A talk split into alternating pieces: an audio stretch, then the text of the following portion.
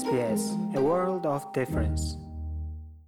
За мэцгаанаа сонсогчдоо SBS Mongolia энэ удаад эмэгтэйчүүдийн эрүүл мэндийн тухай ярилцахаар бэлтгэлээ. Манай өнөөдрийн зочноор Анар Queensland мужаас бидэнтэй холбогдоод байна. Сайн уу Анараа? Орой минь төргий. Сайн байна уу? Орой минь төргий. За баярлалаа. За өнөөдрийн зочноо танилцуулахад нийгмийн эрүүл мэндийн шинжилгээ ухааны доктор, хүний их эмч, за Австралийн нийгэм эрүүл мэндийн чиглэлийн зөвлөх үйлчилгээ явуулдаг фирмд эрүүл мэндийн төсөл хөтөлбөрт ахлах зөвлөхөөр ажилладаг хүн байгаа. Бид энэ удаад эмэгтэйчүүдийн эрүүл мэндийн тухай ялангуяа урьдчилан сэргийлэх хөдөлгөөн онцлоготой холбоотой мэдээллийг хүргэх гэж байгаамаа. Ер нь анараа бид нар энд амьдарч байгаа эмэгтэйчүүд маань одоо эмэгтэйчүүдийн талаасаа ямар ямар үзлэгт ямар давтамжтайгаар хаана хандаж үзүүлж байх ёстой юм бэ? Энэ талаар мэдээлэлээсээ хуваалцаач.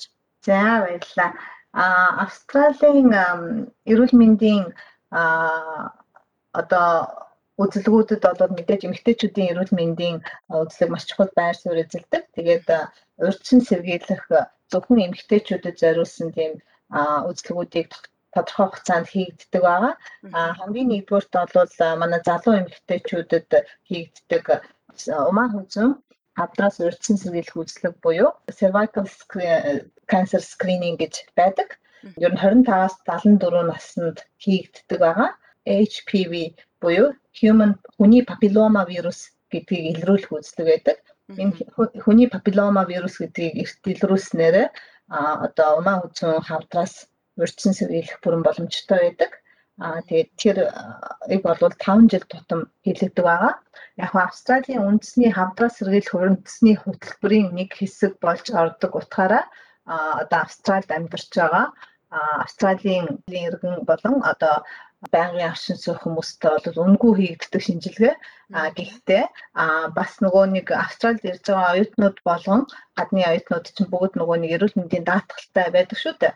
А тэр эрүүл мэндийн даатгал бол тэр Австралийн засгийн газрын Medicare-ийн одоо хамрагддаг бүх үзлэг шинжилгээ түнд хамрагдаад явдаг учраас эрүүл мэндийн даатгалтай оюутан залуучууд маань бас даатгалаараа хамрагдаад үнгүй хамрагдах боломжтой байдаг энэ хөтөлбөрт. А 5 жил тутамдаа өгөх ёстой юм байна те.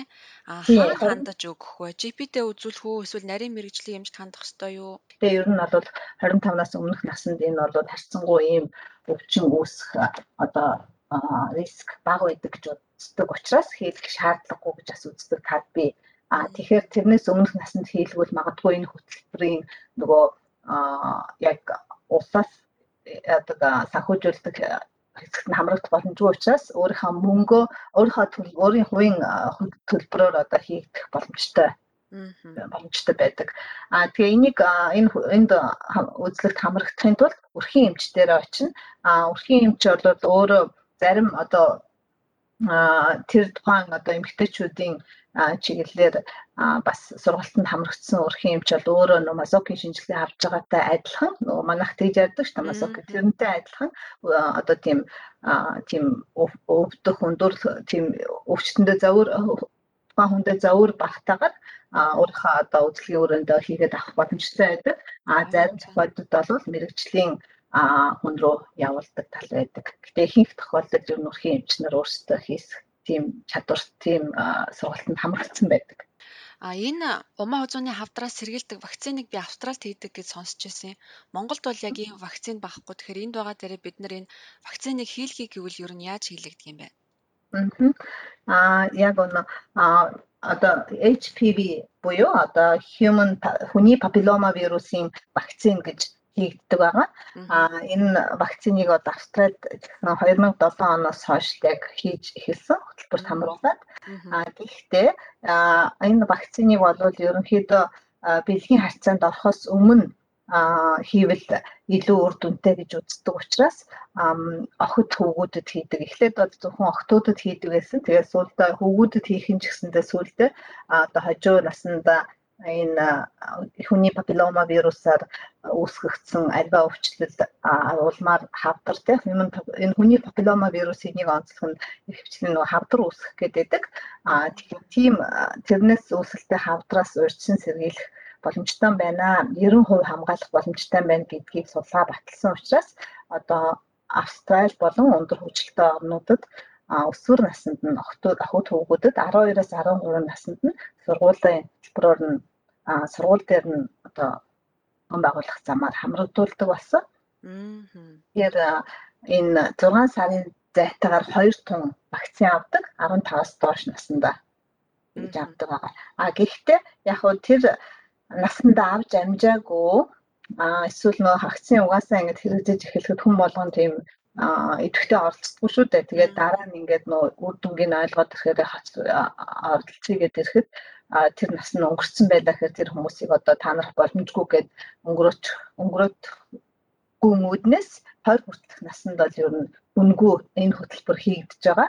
15-аас 20 наснд бол яг арай өөр схемээр 3 тунг 6 сарын дотор хийх замаар явдаг. 12-аас 13 буюу яг тохирсон насндаа авахд бол 6 сарын зайтай 2 тунг хийлэгдэг. Тэгээ энийг ерөнхийдөө сургуулийнхаа хөтөлбөрөөр хамрагдаад явчихна гэсэн үг. А тэр 15-аас дээш насны буюу хамрагдаж сургуулийн хөтөлбөрөөр хамрагдаж чадаагүй хүүхдүүд бол catch up dose буюу одоо нөгөө эргэж хамрах тийм одоо амжаагүй тунгаа авахын тулд өрхийн хэмжээрээ бас дамжиж авдаг байна. Энэ насны бүлэгт хамрахгүй байгаа. Одоо жишээлбэл би 30 гаруй насны эмэгтэй гэхэд хийлгэх боломж байгаа юу? А ер нь бол эмэгтэйчүүдэд 45 нас хүртэл хийх боломжтой а эмэгтэйчүүдэд 26 нас хүртэл хийх боломжтой байдаг. Гэхдээ а энэ нас хүртэл бол одоо нөгөө энэ яг хөтөлбөрийн дагуу үнгүй хамрагдаад явдаг. А 20 наснаас дээш хүмүүс хүсвэл хийлгэж болно. Гэхдээ өөрийнхөө одоо харманаас мөнгө төлөөд хийлгдэг. Аа Хаана яаж хийлэгдэх талаар танд мэдээлэл байгаа юу? Тийм бас л одоо ер нь энэ одоо урьдчилан сэргийлэх хөтөлбөр бол ерөнхийдөө нийгмийн эрүүл мэнд буюу одоо өрх анхан шатны тусан үйлчилгээний нэг хэсэг байдаг учраас энэ вакцин хийлгэх тий одоо урьдчилан сэргийлэх үздэг хамруулах бол бүгд өрхийн эмчээр дамжиж хийгддэг байгаа. Өрхийн эмчтэр цаг аваад цаг авахдаа яг би ингээ урьдчилан сэргийлэх үзлэгийн талаар сонирхсан юм а гэж хэлээд аа тэгээд ердийн одоо нөгөө үзлийн цаг аваад тэгээд урхийн эмчтэй танилцуулах замаар авдаг ба. За энэ маш хэрэгтэй мэдээлэл байлаа. Энэ мэтчлэн ер нь бид нарт Австралид байхдаа одоо Монголд байхгүй вакциныг бид нэр энд хийх боломж байна шүү дээ. Яг энэ шиг бид нэр энд амьдарч байх хугацаанд одоо ашиглаад авах гэхэд хайш юм зүгээр мэддэг те амьдралдаа бас нэг өөртөө тусгаад авчих хэрэгтэй үзлгүүд, вакцинууд гэдэг юм уу ямар зүйлүүд байгаа вэ? Аа тэгэлгүй яг одоо нэгэн тал те одоо энэ улсад амьдарч байгаа тэгээд э, бас тодорхой хэмжээнд өөрсдийнхөө эрүүл мэндийн даатгалыг төлж байгаа хүмүүс бас тэр даатгалд хамрагдаж даатгалынхаа үр ашигыг бас өөрсдийнхөө эрүүл мэндэд э, зөв одоо бас эрүүл мэндийн хөрөнгө оруулалт хийхдээ ашиглах их хэрэгтэй. Аа тийм учраас энэ э, өөрийн сэдвийг хөндөж ярьж ингээд хүмүүст энэ талаар мэдээлэл өгч байгаа бодод маш хэрэгтэй гэж бодож байгаа. Яг тэр зөндөө олон хүмүүс даатгалын мөнгө төлсөн хэрнээсээ ийм үйлчлэгийг авах боломжтойгоо мэдэхгүй явж байгаа шүү дээ тийм ээ. Аа бусдад өөрөөр болоод хөхний хамтраас урьдчилан сэргийлэх үйлчлэг гэж хийгддэг. Хөвчлэн 50 наснаас эхэлж өөр нь бол энэ хөтөлбөрт хамрагддаг. Тэгээд манад энд амьдарч байгаа хүмүүс монголчууд маань хөвчлэн нөгөө оюутан залуучууд оюутнууд бол төдийлөн мэдээж 50 наснаас хөвшин доош болохоор энд нэг хамрагдаад байхгүй байх гэх. А гэхдээ энэ хөтөлбөр хэдийгээр 50 наснаас эхэлдэг гэж үздэг боловч одоо удамд нь хөхний хавдар ээж нь юм уу эмээ нь юм уу чинь өвдөж байсан тийм ээ.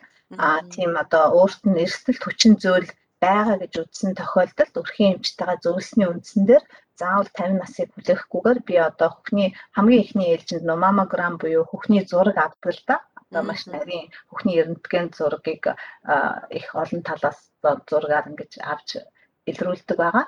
Тэгээд хөхөө өөрийнхөө шалгах аргаар жаах явцад ингээд тийм хатуу зүйл ламп гэж ярьдаг те мэдрэгдэх юм бол одоо бас сэжиглээд тэгээд хідэн ч насанд хамаагүй бас үзүүлэх боломж бас байдаг. Аа. Аа жирийн зүгээр одоо эмэгтэйчүүдийн үзлэг дорой гэвэл бас л GPD л хандах уу тий? Аа жирийн эмэгтэйчүүдийн үзлэг гэдэг нь одоо өрөвсөл өрөвслийн шинж тэмдэг илрээд байгаа ч гэдэг юм уу? Эсвэл төрсний дараа за би нэг зүгээр нэг чек хийлгээе гэвэл Тийм ер нь одоо STI буюу бас нөгөө шээс бэлгийн замын өвчнийг одоо эдний хамгийн түгээмэл тохиолддог нөгөө ламид эдэргээд байдаг. Тэрийг үзүүлнэ гэх юм бол бас өрхийн эмчээрээ дамжаад үзүүлнэ. Ер нь а тиймээ бас эхний ээлжинд бол бас даатгалынхаа байгууллагаас асуух хэрэгтэй байна. А өрхийн эмчээс одоо яг ямар шинжилгээ хийх гэхэд нэг юм код байдаг. Шинжилгээний код. Тэр кодыг аваад тэгээд даатгалынхаа байгууллагаараа уцтаж энэ шинжилгээ хийлгүүл манай дат миний даатгал одоо үнийг хамрах уу гэдээ бас асуух нь чухал те дараа нь бас магадгүй нэг өндөр төлбөрт орж бас хэцүү байдалд орж байхаар. Дэлхийн улс орнууд одоо бүс нутгаасаа хамаарад нэг иймэрхүү халдварт авах магадлалтай гэсэн нэг судалгаа байдгүй. Жишээлбэл одоо Австралид бид нар амьдарч байгаагаараа эрүүл эмэгтэйчүүдийн талаасаа ямар эрсдэл байж болох уу? За яг хоо яг Австралид амьдарч байгаа талаасаа эрсдэх юм бол Австралид одоо яг эмэгтэйчүүдтэй холбоотой Австралийн эмэгтэйчүүдэд ийм эрсдэл илүү өндөр байна гэсэн тийм нарийн судалгаа тийм юм бол би сонсоогүй. Австралид амьдарч байгаагийн зөвөр гол э, одоо илүү магадгүй эрсдэл өндөр байдаг нь эмэгтэй эрэгтэй гэлгүүгээр өндөр байдаг нь нөгөө меланома буюу арсны хавдар байдаг. Яагаад гэвэл Австралийн нар маш хурц тэгээд нөгөө озоны давхаргын хамгаалалт тарцсангүй нэмгэн байдаг гэж үздэг учраас энэ бүсэд тэр меланома буюу арсны хавдрыг л одоо Австрали илүүтэй бусад улс орнуудыг бодох юм бол Австралид амьдарч байгаа хүмүүс илүү өртөмхий байдаг. За маш их баярлалаа. Цаг зав гарган манай Австралид амьдарч байгаа эмэгтэйчүүдэд манд чиглэсэн олон хэрэгтэй мэдээлэл өгсөнд баярлалаа. За өөрчн ч гэсэн баярлалаа. Энэ бол одоо Австралид амьдарч байгаа оюутан залуучуудаа тий эмэгтэйчүүд охтуудад маань маш хэрэгтэй зүйлийг хүндэж асууж чадлаа. Тэгээд эрүүл мэндэд хөрөнгө оруулна гэдэг бол ерөөсөө эрүүл мэнд эрүүл байх юм бол бүхэл бусад бүх зүйлийг шийдэж болдог. Тэгэхээр маш хэрэгтэй сэдвийг хүндэж ярилцсан бас баярлалаа. За баярлалаа. Үүнтэй адилхан бусад нэвтрүүлгийг сонсомоор байна уу? Apple Podcast, Google Podcast, Spotify эсвэл та өөрийнхөө сонсдог апп ашиглан манай нэвтрүүлэгтэй хавд байгаарай.